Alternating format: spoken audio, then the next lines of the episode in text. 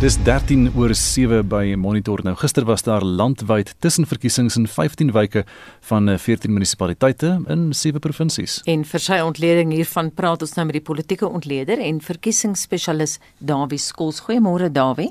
Môre Anita. Die hoofuitslae vir ons kortliks.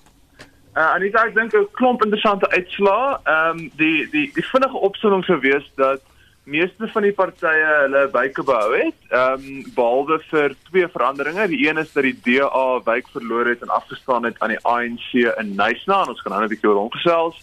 En dan ook dat Inkatha 'n uh, wyk verloor het aan die ANC in KwaZulu-Natal. Ehm uh, maar vir die res van die wyke dieselfde partye weer herverkies. Ehm um, maar ek dink as mens onder daai ehm um, opsomming kyk, is daar baie interessante verskywings ehm um, onder die onder die syfers wat mense kan kyk. En wat is daai soort van verskywings wat vir jou uitstaan? Ek dink daar's 'n paar interessante. So die die een tendens wat ons in laas jaar se tussenverkiesing gesien het en wat ek dink homself ook 'n bietjie uitgespeel het gister, is die tendens onder bruin kiesers in die Wes-Kaap en die Noord-Kaap. Ehm um, so ons weet in die tussenverkiesings laas jaar het die DA ehm um, nogal baie van daai kiesers afgestaan ehm um, tussen 10 en 30% of so van die kiesers in in, in die bruin gemeenskap afgestaan in, in tussenverkiesings laas jaar. Gister was daar 4 tussen verkiesings in bruin gebiede in in beide die Weskaap en die Noord-Kaap. En en die vier, ek sal so deur die deur die vier gaan in in in vir verduidelik. So die een was in Delft in Kaapstad.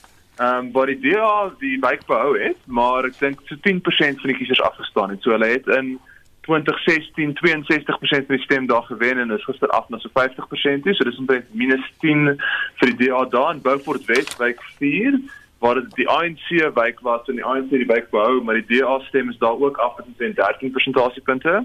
En dan in Nysna, ek dink die interessante een, ehm um, hierso is in in Honley en Nysna die die DA ook 10 persentasiepunte verloor. Eh uh, die ANC die wyk by die DA oorgeneem in in Honley en Nysna en dan die finale een in Nam Namakwa wat Springbok is in in in die Noord-Kaap. Ehm um, daar was die DA se stem stabiel op 40%. So ek dink die een tendens wat interessant is is dat die DA lyk my 'n bietjie swakker doen onder breinkiesers in die Noord-Kaap en die Wes-Kaap en die ANC 'n bietjie beter. En, en ons weet dat die breingemeenskap deurslaggewend is in verkiesings in daai gebiede. So ek dink dit is baie interessant hier om na te kyk. Ek sal wel sê dit lyk alhoewel nog steeds sleg vir die DA bietjie beter as laas jaar. Ons praat van minus 10, minus 15 in plaas van minus 20 of minus 30 wat dit laas jaar was. Ek dink dis 'n tendens. Die ander tendens is tussen die EFF en die ANC onder swart kiesers in die noorde van die land, so in plekke soos Mpumalanga en Limpopo en so aan. Daar was 'n hele paar wyke um, in in daardie gebiede uh, gister gewees. Ehm um, en ek dink as mens oor almal van hulle saam kyk en hulle help en bymekaar sit as 'n steekproef, dan is die ANC stem min of meer stabiel in daai gebiede. Um, maar die EFF stem is so bietjie op ehm um, so 5 tot 7% op in in daai in daai gebiede. So ek dink die tendens en dis uiteraard is 'n baie belangrike tendens vir vir 'n nasionale uitslag en vir die verkiesing wat kom in Oktober gaan dit 'n baie belangrike een wees. Dus ek dink daai tendens beteken dat ons kyk na EFF wat waarskynlik bietjie groei en ANC wat min of meer stabiel is op sy uitslag tot nog 16. Dan die finale, ek dink een wat altyd bietjie vinnig gemors is, wat in die gang is in KwaZulu-Natal. Lyk asof die EFF bietjie swakker doen en die ANC bietjie beter gedoen het gister en dan ook dat die EFF alhoewel hulle nog nie wyke wen nie, hulle is bietjie ver agter die die EFF en die ANC. Ehm um, stadig maar seker besig besig is om beter en beter te doen in KwaZulu-Natal, veral in die meer stedelike gebiede in KwaZulu-Natal. Ek dink daai is vir my die drie interessante tendense wat half onder die syfers uh, wegsteek. Dawie, hoekom dink jy vaar die EFF spesifiek die EFF beter? So ek dink dis dis dis 'n tendens wat ons nou al oor oor baie verkiesings sien. Ehm um, en ons weet dat die demografika van die EFF se ondersteuner ondersteuning jonger kiesers is um, in die swart gemeenskap terwyl die ANC se ondersteuners meestal ouer kiesers is. Ehm um, en en ek dink soos die die demografika van die van die kieserskorps verander en jy weet meer nuwe jong mense in die in die kieserskorps inkom, is daar 'n natuurlike buffer van addisionele potensiële EFF kiesers wat in die pool inkom. So ek dink dis die een ding. En ek dink dan is die die ander ding wat ons in die peilings ook sien is dat baie swart kiesers is gefrustreerd met die ehm um, met die vordering van transformasie in die land, met die vordering van ehm um, ek sê hulle hulle akses tot die ekonomie ehm um, en en voel gefrustreerd en voel dat hulle meer radikale antwoorde wil hê, reg? Ehm um, en ek dink die EFF bied daai antwoorde vir daardie kiesers. Ehm um, en op hierdie stadium is die keuse tussen ANC en EFF vir meeste van daai kiesers en ek dink die oorgrootste meerderheid stem nog steeds ANC, maar soos ons sien, die EFF groei stadig maar seker op nasionale vlak verkiesing na verkiesing en dit het gister ook weer gebeur 'n bietjie groei. So ek dink ons ons ons is is opgestel weer vir vir waarskynlik bietjie EFF groei later in die jaar in die verkiesing wat in Oktober kom ons kyk na hierdie stempatrone. Dink jy die woelinge in die DA, hierdie hele kwalifikasieskandaal na die laaste paar weke, uh Bonginkosi Madikizela en selfs Natasha Mazoni wat ingestreep word, dink jy so iets op die nasionale vlak het 'n impak op 'n tussenverkiesing? Ehm um, ek sê altyd hierdie jy weet een storie is nie noodwendig groot impak nie. Ek dink jy weet daar's elke dag ander storie en kiesers sê sommige kyk vir die nuus en sommige kyk nie. Maar die een ding wat wel feit is is dat konstante drup drup drup van negatiewe nuus wel partye affekteer. En ek dink dis dalk een van die probleme wat die DA die laaste tyd het, is hierdie drup drup drup van negatiewe nuus en ook drup drup drup van negatiewe verkiesingsnuus soos wat gister ook nou weer is. Mhm. Ehm mm um, so en ek ek dink dit dit het 'n impak 'n uh, impak oor tyd. Ehm um, En maar ek, ek moet wel sê daar's een ding in die in die verkiesings in die in die veral hierdie breingemeenskapsverkiesings wat my ver, verwys het na vroeër.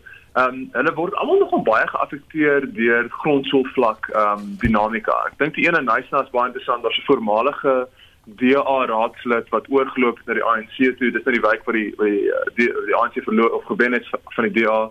Dis die, die raadslid het oorgeloop in die wijk saam en die kiesers saamgevat ANC toe. So ek dink dit is interessant.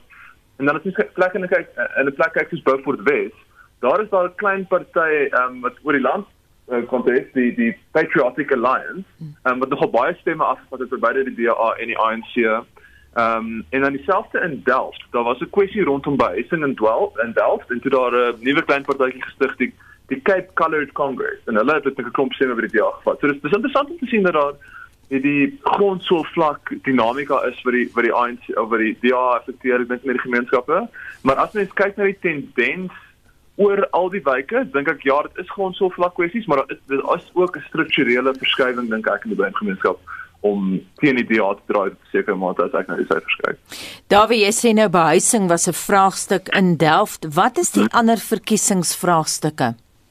Dis ek dink daar's daar's net die dienslewering kwessie is net van uh, weet net absolute kritiese punt nou in komplekke in die land. Ehm um, ek weet watervoorsiening, uh, elektrisiteitsvoorsiening, Ehm um, ek weet die die behuisingskwessie was ook groot kwessie gewees in in Nysna en Honley waar waar daai ehm um, uh, die die die wijk verloor het.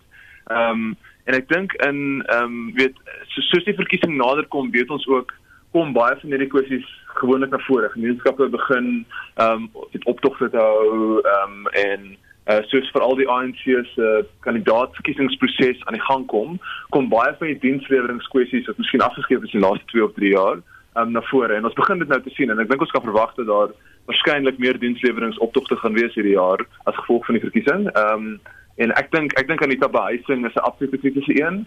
Ehm um, en dan die ander een wat wat ons ook optel in van die private peilings wat gedoen is is net ek dis ek weet dit is baie eenvoudig maar die die kwessie van van hoe die die die die die, die toestand van paaie en potholes is is regtig eintlik ook 'n baie groot kwessie veral in groot groot stedelike gebiede van wat ons kan optel in peilings. Wat is die implikasies uh, vir die plaaslike verkiesing later vir jaar nou op die 27ste Oktober gebeur die plaaslike verkiesing? Is hierdie vir jou as 'n ontleder soos om in 'n kristalbal te kyk? Ja, absoluut. Ek dink daar's baie interessante implikasies. So die vir my is die een grootste implikasie is wat gaan met die DA gebeur um, en veral wat gaan met die DA se meerderheid gebeur in die Wes-Kaap? Ehm um, ek dink die as ons praat van, jy weet, swaai in die breingemeenskap weg van die DA af na ander kleiner partye toe. Ehm um, dan is daar sekere munisipaliteite wat ek dink die DA op hierdie stadium net net wen, veral in die landelike gebiede van die Wes-Kaap en veral in die Suid-Kaap. En ek dink klomp van daai munisipaliteite gaan weet groot vraagstuk wees of die DA hulle gaan kan bou met met volstrek meerderhede of nie.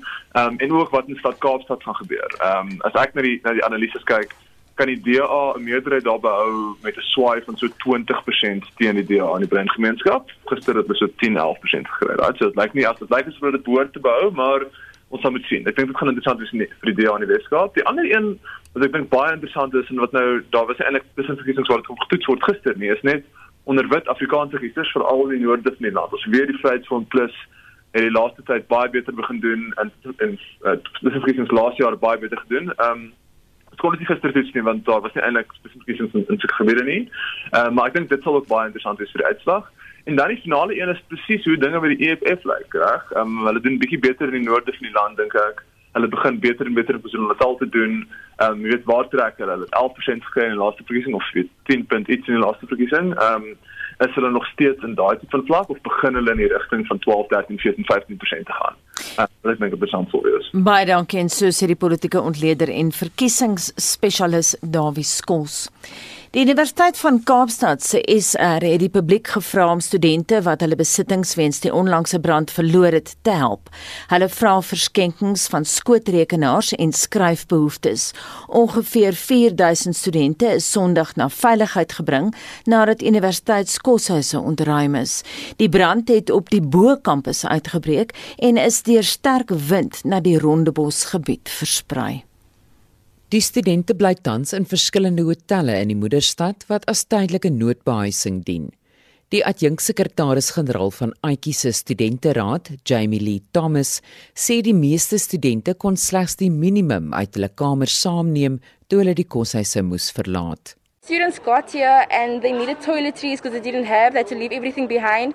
They needed clothes and they needed food. So that is what we've been getting. And thank you to all the donors. But now we still need donations for laptops. We still need donations for um, toiletries um, and stationery and food as well.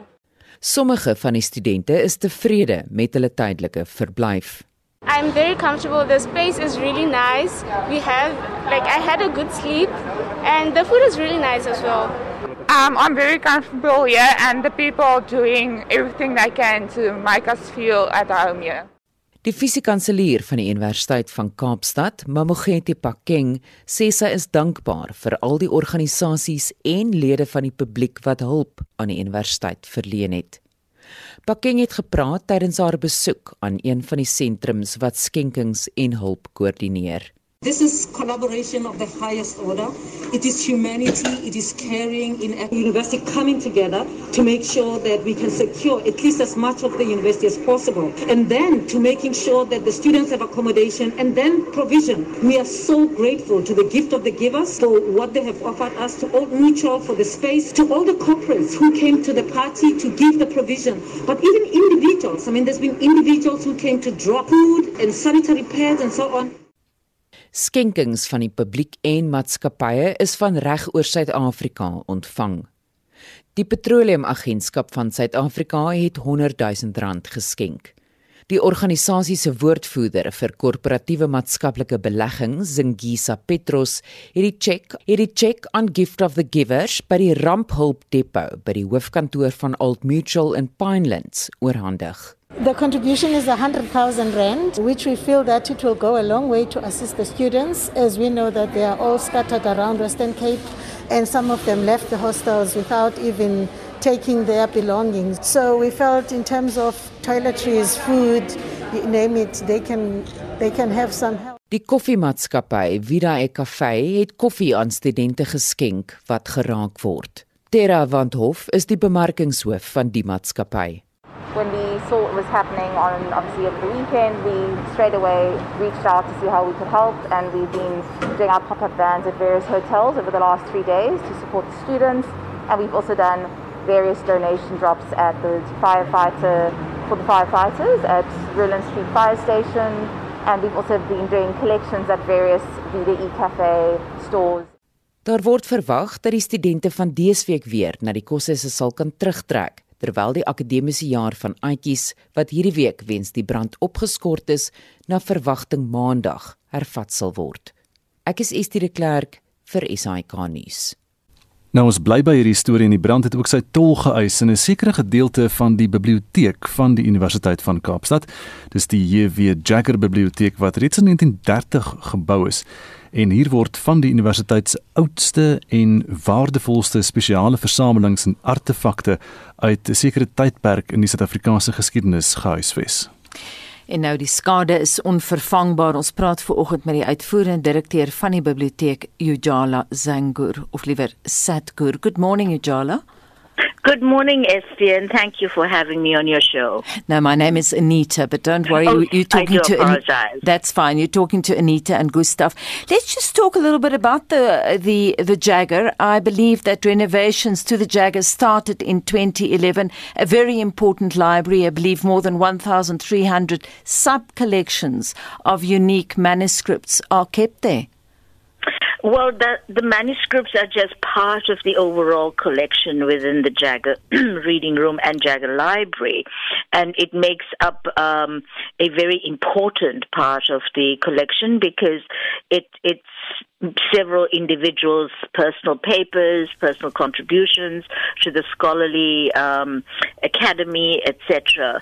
But the primary um, collection within the Jagger Library is the African Studies monograph, that is book collection and film collections, our government publications collections. So it's quite a, a wide-ranging collection that was housed in this particular library.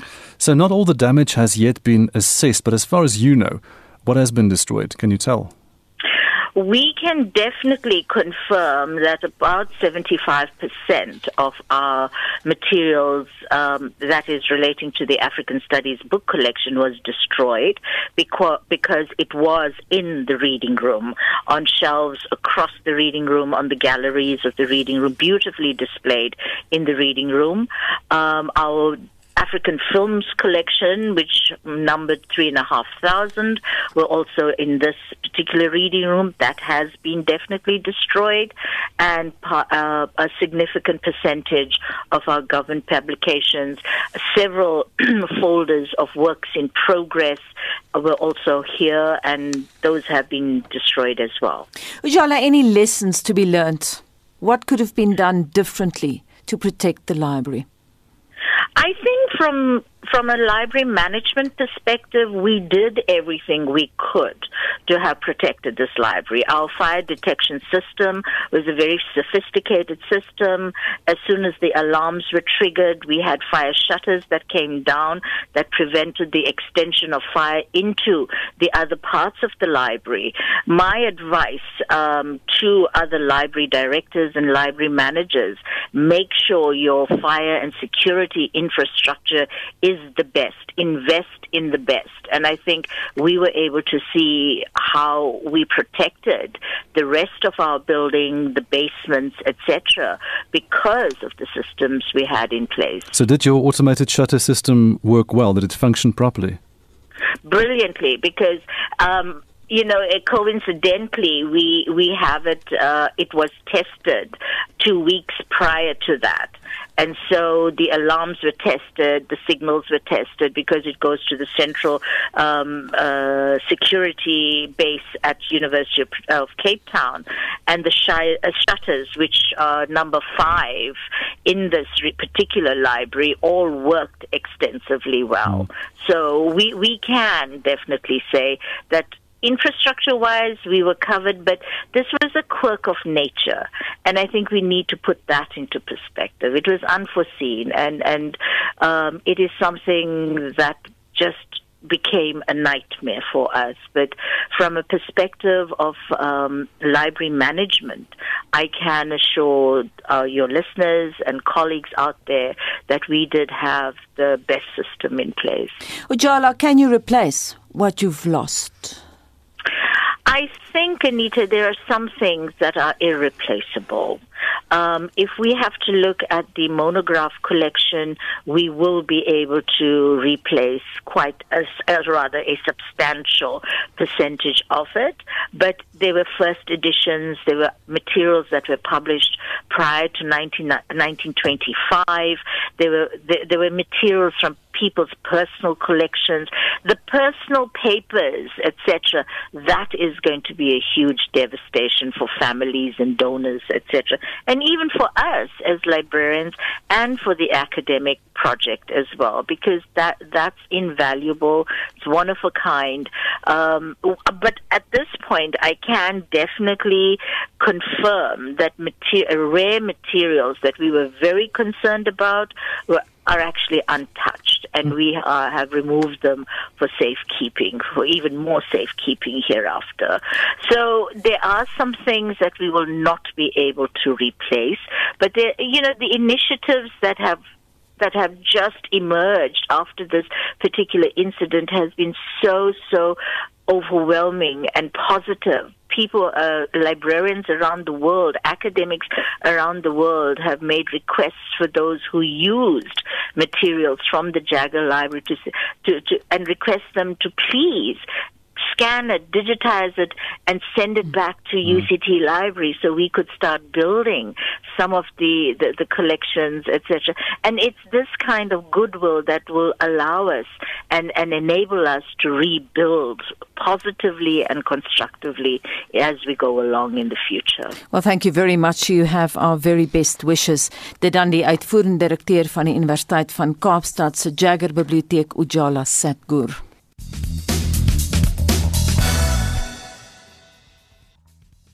Is dit lyk ons terugvoer?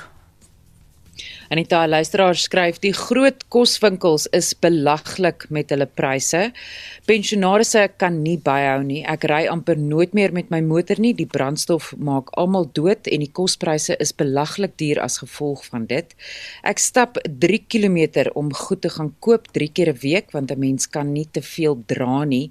Dis gevaarlik in die straat vir ouer mense want jy's 'n sagte teiken en ons leef net van hand tot mond. En Heinrich Miller sê kookolie, kaas en eiers is nou peperduur. En Mervin Cowan laat weet alles is duur as gevolg van die petrolpryse en geen lamsvleis vir my meer nie. Dit is eintlik net daglig roof. Johan Els noem ook ander goed soos medies, elektrisiteit, brandstof, kos, klere, munisipale belasting en so kan ek aangaan. Ons praat vandag oor die inflasiekoers wat gestyg het en kospryse wat tot meer as 6% gestyg het. En ons wil by jou weet hoe raak dit jou sak en is daar alledaagsede waarsonder jy nou moet klaarkom? Stuur vir ons 'n SMS by 45889 onthou dit kos R1.50 gesels saam op ons Facebookblad by facebook.com vorentoe skynstreep ZARSG of WhatsApp vir ons stemnota na 076 536 6961. Dis 23 minute voor 8 en in vanoggend se wêreldnuus oorsig begin ons in Australië. Hierdie land se minister van buitelandse sake, Marisa Payne, het bevestig dat meer as een verdrag wat die Australiese staat Victoria met China onderteken het gekanselleer is. Nou Anne Marie Jansen van Vieren hou vir ons die wêreldnuus dop en uh, Anne Marie môre het Payne 'n rede vir haar besluit gegee. Môre Gustav, volgens Pyn hou dit verband met Australië se buitelandse beleid. Daarom het sy twee sulke verdrae wat China met die deelstaat Victoria gesluit het, geveto. Nou 'n nuwe beleid gee Pyn en die Australiese regering die reg om verdrae wat deelstate met buitelandse regering onderteken te veto. Sy sê verskeie sulke verdrae is in die weegskaal en dat dit nie net op China gerig is nie, maar die Chinese regering stem nie saam nie. Hulle het by monde van hul ambassadeur in Australië gesê dat die uitlokkende gedrag verdere spanning tussen die twee lande kan veroorsaak. Intussen het die Amerikaanse joernaliste die Withuis se woordvoerder, Jen Psaki, daaroor gepols en gevra of die Biden-regering enigiets met hierdie besluit te doen gehad het. Hier was haar antwoord.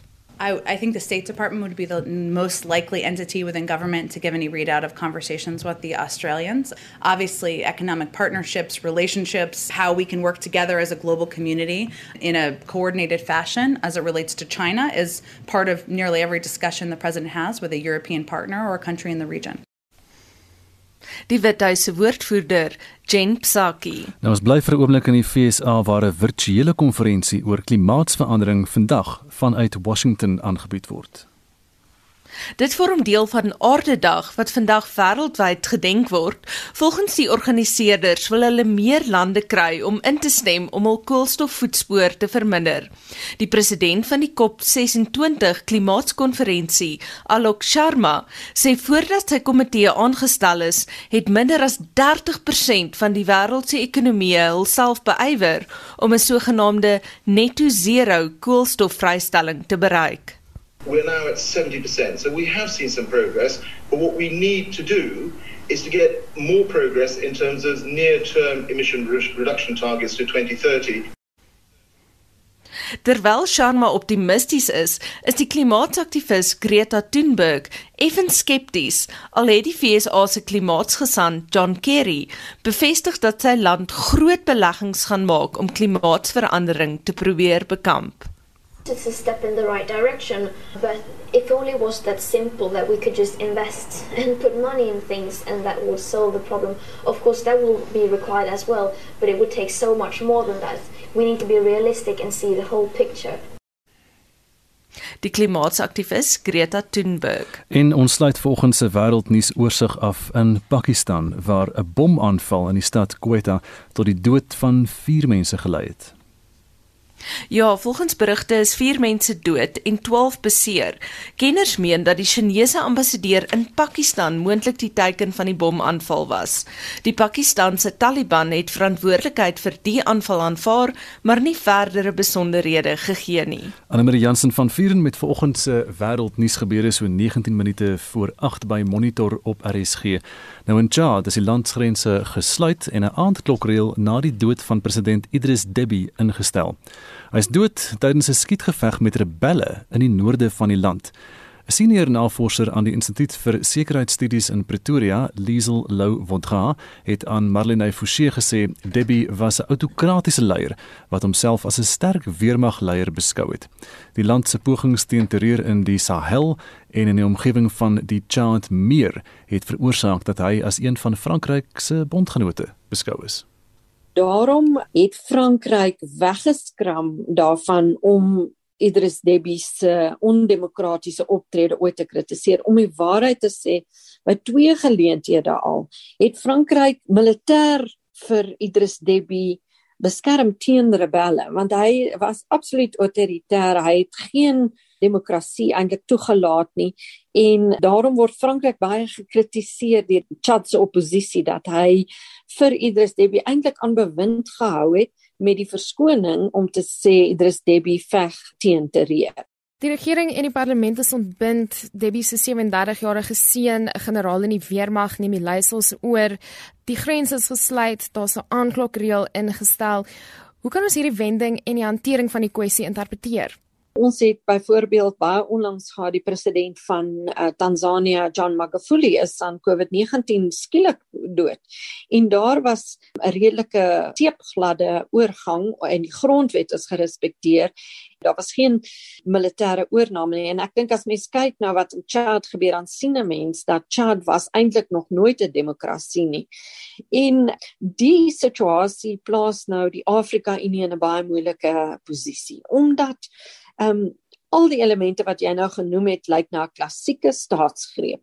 Uh die staatshoof word geëlimineer. Goed, hy is doodgeskiet deur rebelle, maar ehm um, sy seun neem oor en soos een van die oppositielede gisterand op op Franse televisie gesê het, "Tja, dis nie 'n monargie nie. Wat om watter rede moet die seun nou oorneem?" So wat staan die Afrika Unie nou te doen? Die Afrika Unie het baie sterk reëls teen staatsgrepe wat omtrent die enigste ding is wat die Afrika Unie regtig waar uitgevoer het meer as 'n dekade nadat die sogenaamde Lomé reëls ingevoer is rondom wat hulle noem ongrondwetlike verandering van. So uh um hulle moet streng gesproke nou vir Chad uit die Afrika Unie uitskop en sê dis was 'n staatsgreep. Hulle moet die grondwet uh um nou herinstel en 'n siviele regering in in Chad in werking stel soos hulle gedoen het in Sudan, in Mauritanië, in Niger, in klomp plekke alreeds in Afrika. So wat sou jy sê is die Afrika Unie se grootste uitdaging? Die AU kommissie voorsitter is nou toevallig die voormalige buitelandse minister van Chad, Musa Faki Mahamat, Hy het soort van dieselfde naam as hierdie seun van Idris Deby wat nou oorgeneem het. Dit gaan vir hom persoonlik baie moeilik wees om 'n uh, 'n sterk standpunt in te neem, maar in daardie geval moet die die staatshoofde van die Afrika Unie moet nou sterk staan en ek is seker daar's nou vandag baie vergaderings en gesprekke agter uh, geslote deure om te besluit wat die Afrika Unie moet doen uh, oor hierdie situasie in Chad. En dit was dan die stem daarvan Liesel Lou Vaudra, 'n senior navorser aan die Instituut vir Sekuriteitsstudies in Pretoria en sy het met Marlene Forsie gepraat. Drie Afrika leiers het wyle president Idris Deby van Chad geprys vir sy stryd teen jihadiste. Die tussentydse president van Mali, Bando, sê sy onverwagse dood eergister is 'n verlies vir die streek se pogings om die jihadiste hok te slaan. Op sy beurt het Niger se president Mohamed Bazoum ook klem gelê op Deby se persoonlike insette in die stryd teen terreur terwyl die Nigeriese leier Muhammadu Buhari weer verwys het na die Chad president se aktiewe rol teen Boko Haram. Die vraag is watter effek president Idris Deby se dood op die konflikgetuieerde gebied sal hê. Ons praat ver oggend met 'n terreur spesialis aan die departement politieke studies en regeringskunde aan die Universiteit van die Vrystaat en uh, goeiemôre. Uh, Goeiemôre Anita. Dit is Dit is natuurlik Annelie Botha. Annelie, ek weet nou jy het 'n boek geskryf oor terreur in Oos-Afrika, maar jy was ook betrokke by navorsing en nogal vir die VN oor terreur in Wes-Afrika. Hoe het wyle president Deby Boko Haram spesifiek probeer beveg? Want dit is nie Boko Haram self nie. Ek dink mens moet 'n bietjie baie kyk na wat gebeur in Mali. As jy kyk na betrokkenheid van Chad in in terreur ehm um, vegte. Ek sê daar's drie drie baie belangrike punte. Die eerste een is die Sahel G5. Ehm um, wat Chad, Niger, Niger, uh, Burkina Faso, Mali en Mauritanië insluit. Insluit.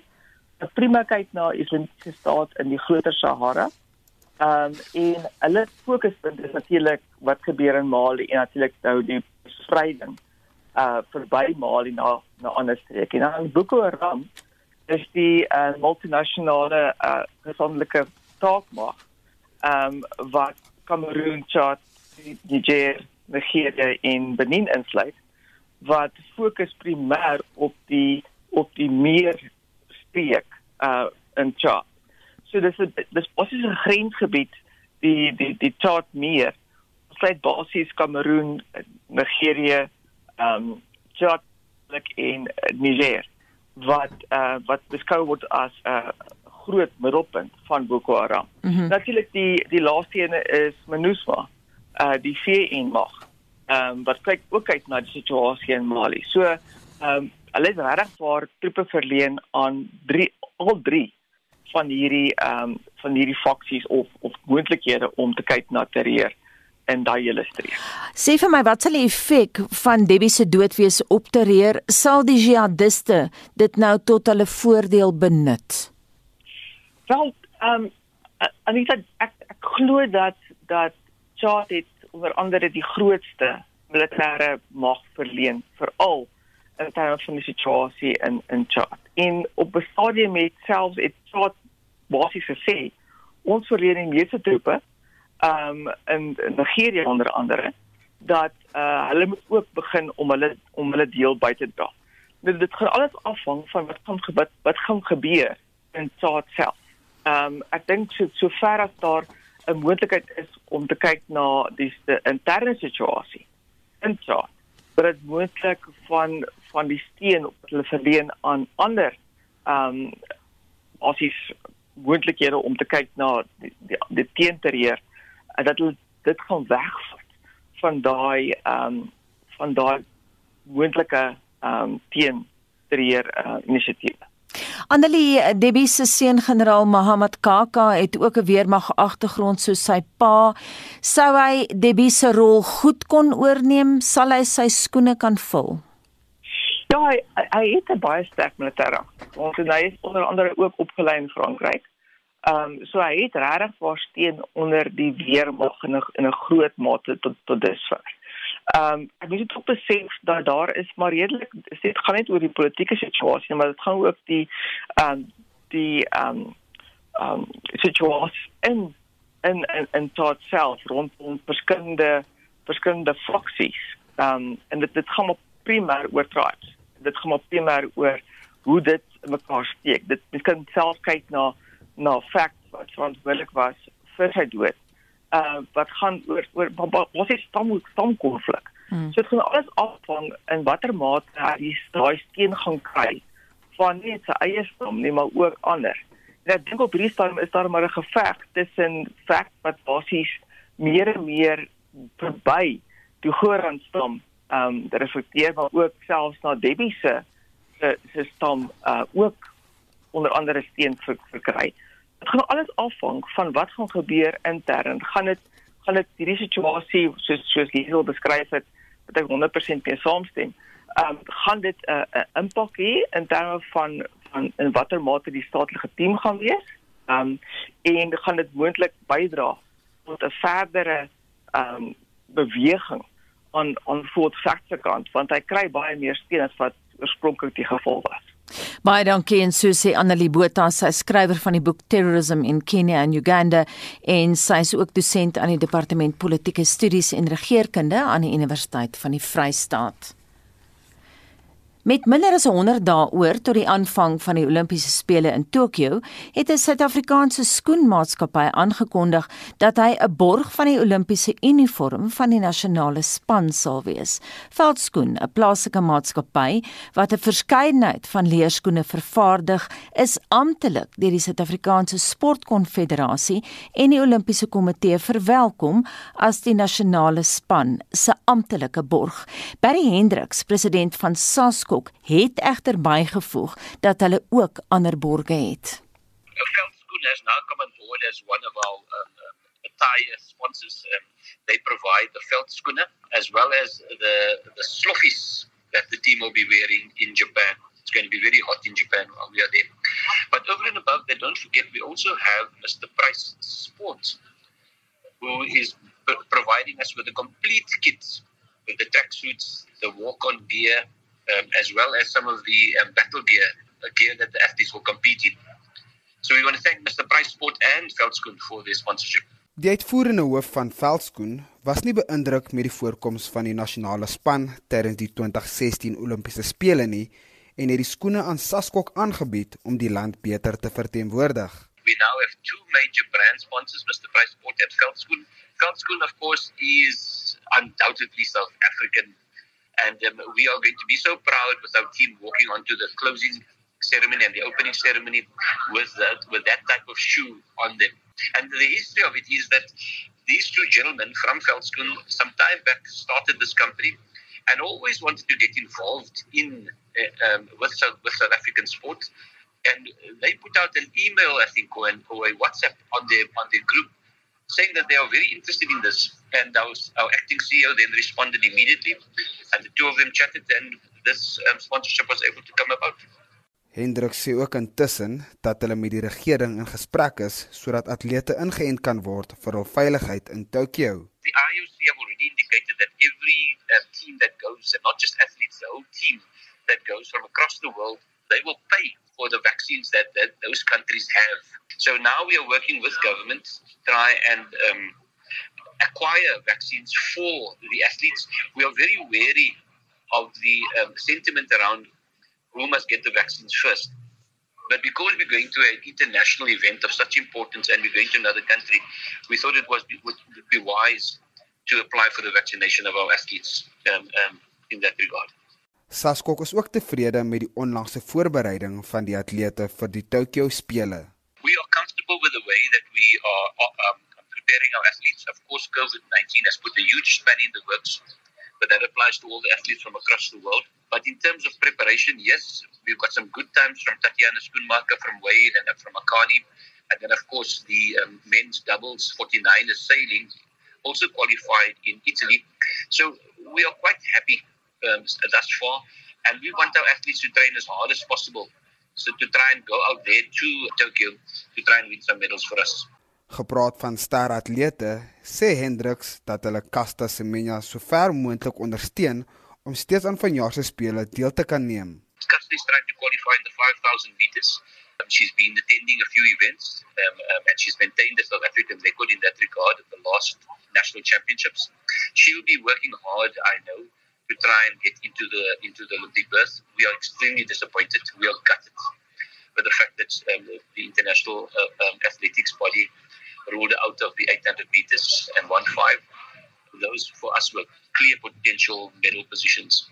But we're going to work with her to try and achieve her goal of getting a medal in the other events. Dit was Barry Hendricks, president van SASKOK. Ek is Vincent Mufokeng vir SAIK nuus.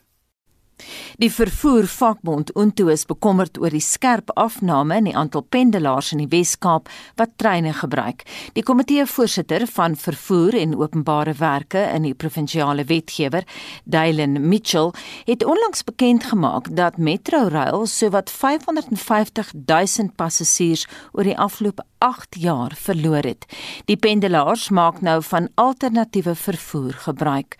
Die woordvoerder van Unto, Sonja Karst Eerstens sê vandalisme is een van die redes vir die afname in passasiersgetalle. Sedert die nasionale inperking en die geweldige vandalisme en diefstal van die spoorinfrastruktuur wat daarop gevolg het, het pendelaars besef dat treindienste al hoe minder betroubaar geraak het en het hulle eenvoudig hulle vertroue in die spoorvervoeragentskap van Suid-Afrika se vermoë om 'n tydige diens en 'n veilige diens te lewer verloor. Daarom maak pendelaars al hoe minder gebruik van spoorvervoer en dit is 'n geweldige hartseer. Want soos wat ons weet, is spoorvervoer die goedkoopste vorm van publieke vervoer in die land. Nou Sonja, dra die kwessies van misdaad ook by tot hierdie vermindering? Misdaad speel 'n rol. Uiteraard word pendelaars toenemend ook aangeval wanneer hulle van treindienste gebruik maak en die polisie se sogenaamde spoorvervoer eenheid bestaan net 'n naam. Hulle is nie sigbaar op ons stasies nie en hulle is glad nie sigbaar op ons treine nie want hulle is natuurlik bang dat hulle self die teiken van misdadigers word omdat hulle dienspistole dra. Hoewel Prasa drasties hulle veiligheidsbeamptes op die treine verskerp het, is hulle ongelukkig nog steeds onbewapen. Hulle voldoen nie aan die vereistes van die wet op vuurwapens nie en hulle kan nie met vuurwapens uitgeruik word nie. So hulle is gewapen slegs met 'n knippel wat niks doen as hulle teen 'n mes of 'n vuurwapen te staan kom wat die misdadiger natuurlik het nie. Die ander ding benewens die misdaad wat 'n groot rol speel, is dat pendelaars hulle werk verloor as hulle laat kom by die werk. So die eerste keer as die trein laat is, kan jy nog vir jou werkgewer 'n verskoning maak en sê die trein is laat. Maar teen die derde keer gaan jou werkgewer nie langer daardie verskoning aanvaar nie en gaan daar van jou verwag word om 'n alternatiewe 'n manier te kry om by die werk te kom en dit is natuurlik ook deel van die probleem. En hoe moet die regering ingryp? Unto was nog altyd van oordeel dat slegs 'n holistiese benadering passasiersvervoer in Suid-Afrika sal kan red. Daarmee word bedoel dat die weermag ontplooi moet word om die 37000 km van spoorvervoer wat ons het in die land te patrolleer, ons infrastruktuur op te pas, nie interaksie te hê met gemeenskappe en met pendelaars nie, maar suiwer soos wat hulle altyd die grense bewaak het, die spoorinfrastruktuur te patrolleer. Terselfdertyd kan die polisie dan doeltreffend sigbare polisieering lewer by ons stasies, op ons platforms, op treine en werklik die gemeenskap dien soos wat hulle moet. Die departement van behuising en sosiale welsyn kan ingespan word om alternatiewe verblyf te vind en dan die noodsaaklike maatskaplike dienste te bied aan die haweloses wat tans op ons treinspore plak. En so kan ek aangaan. So daar is 'n hele legio van regeringsinstansies wat betrokke moet raak om aan die einde van die dag spoorvervoer in geheel en dit sluit in nie net Prasa nie, maar ook Transnet te kan red. Want die probleme met die diefstal, die vandalisme en die geplak op spore is nie net iets wat deur Prasa ervaar word nie, maar ook deur Transnet Vrytrail. Transnet het ongekende verliese gely as gevolg daarvan die afgelope finansiële jaar. En so sê Sonja Karstens, sy is woordvoerder van die vervoer vakbond Unto en sy het met Vincent Mofokeng gepraat. Anne Marie, hoe lyk Spectrum se dagboek? Ons vra of Aardedag werklik help om ernstige omgewingskwessies te belig. Ons kry reaksie op die amptelike uitslag van die tussenverkiesings en Transnet se voormalige hoof van finansies, Anosh Singh, verskyn voor die Sondekommissie van ondersoek na staatskaping. Laaste woord vanoggend aan Anne Marie en dit was die monitorspan met ons waarnemende uitvoerende regisseur. Hy's ook die redakteur vanoggend Hendrik Martin ons twee produksieregisseurs vanoggend Silwester Komani en dan Daitron Godfrey. My naam is Anita Visser. Bly ingeskakel vir Spectrum later vandag. En nou sit ons en wag dat Gustaf vir ons die 8 uur nuus lees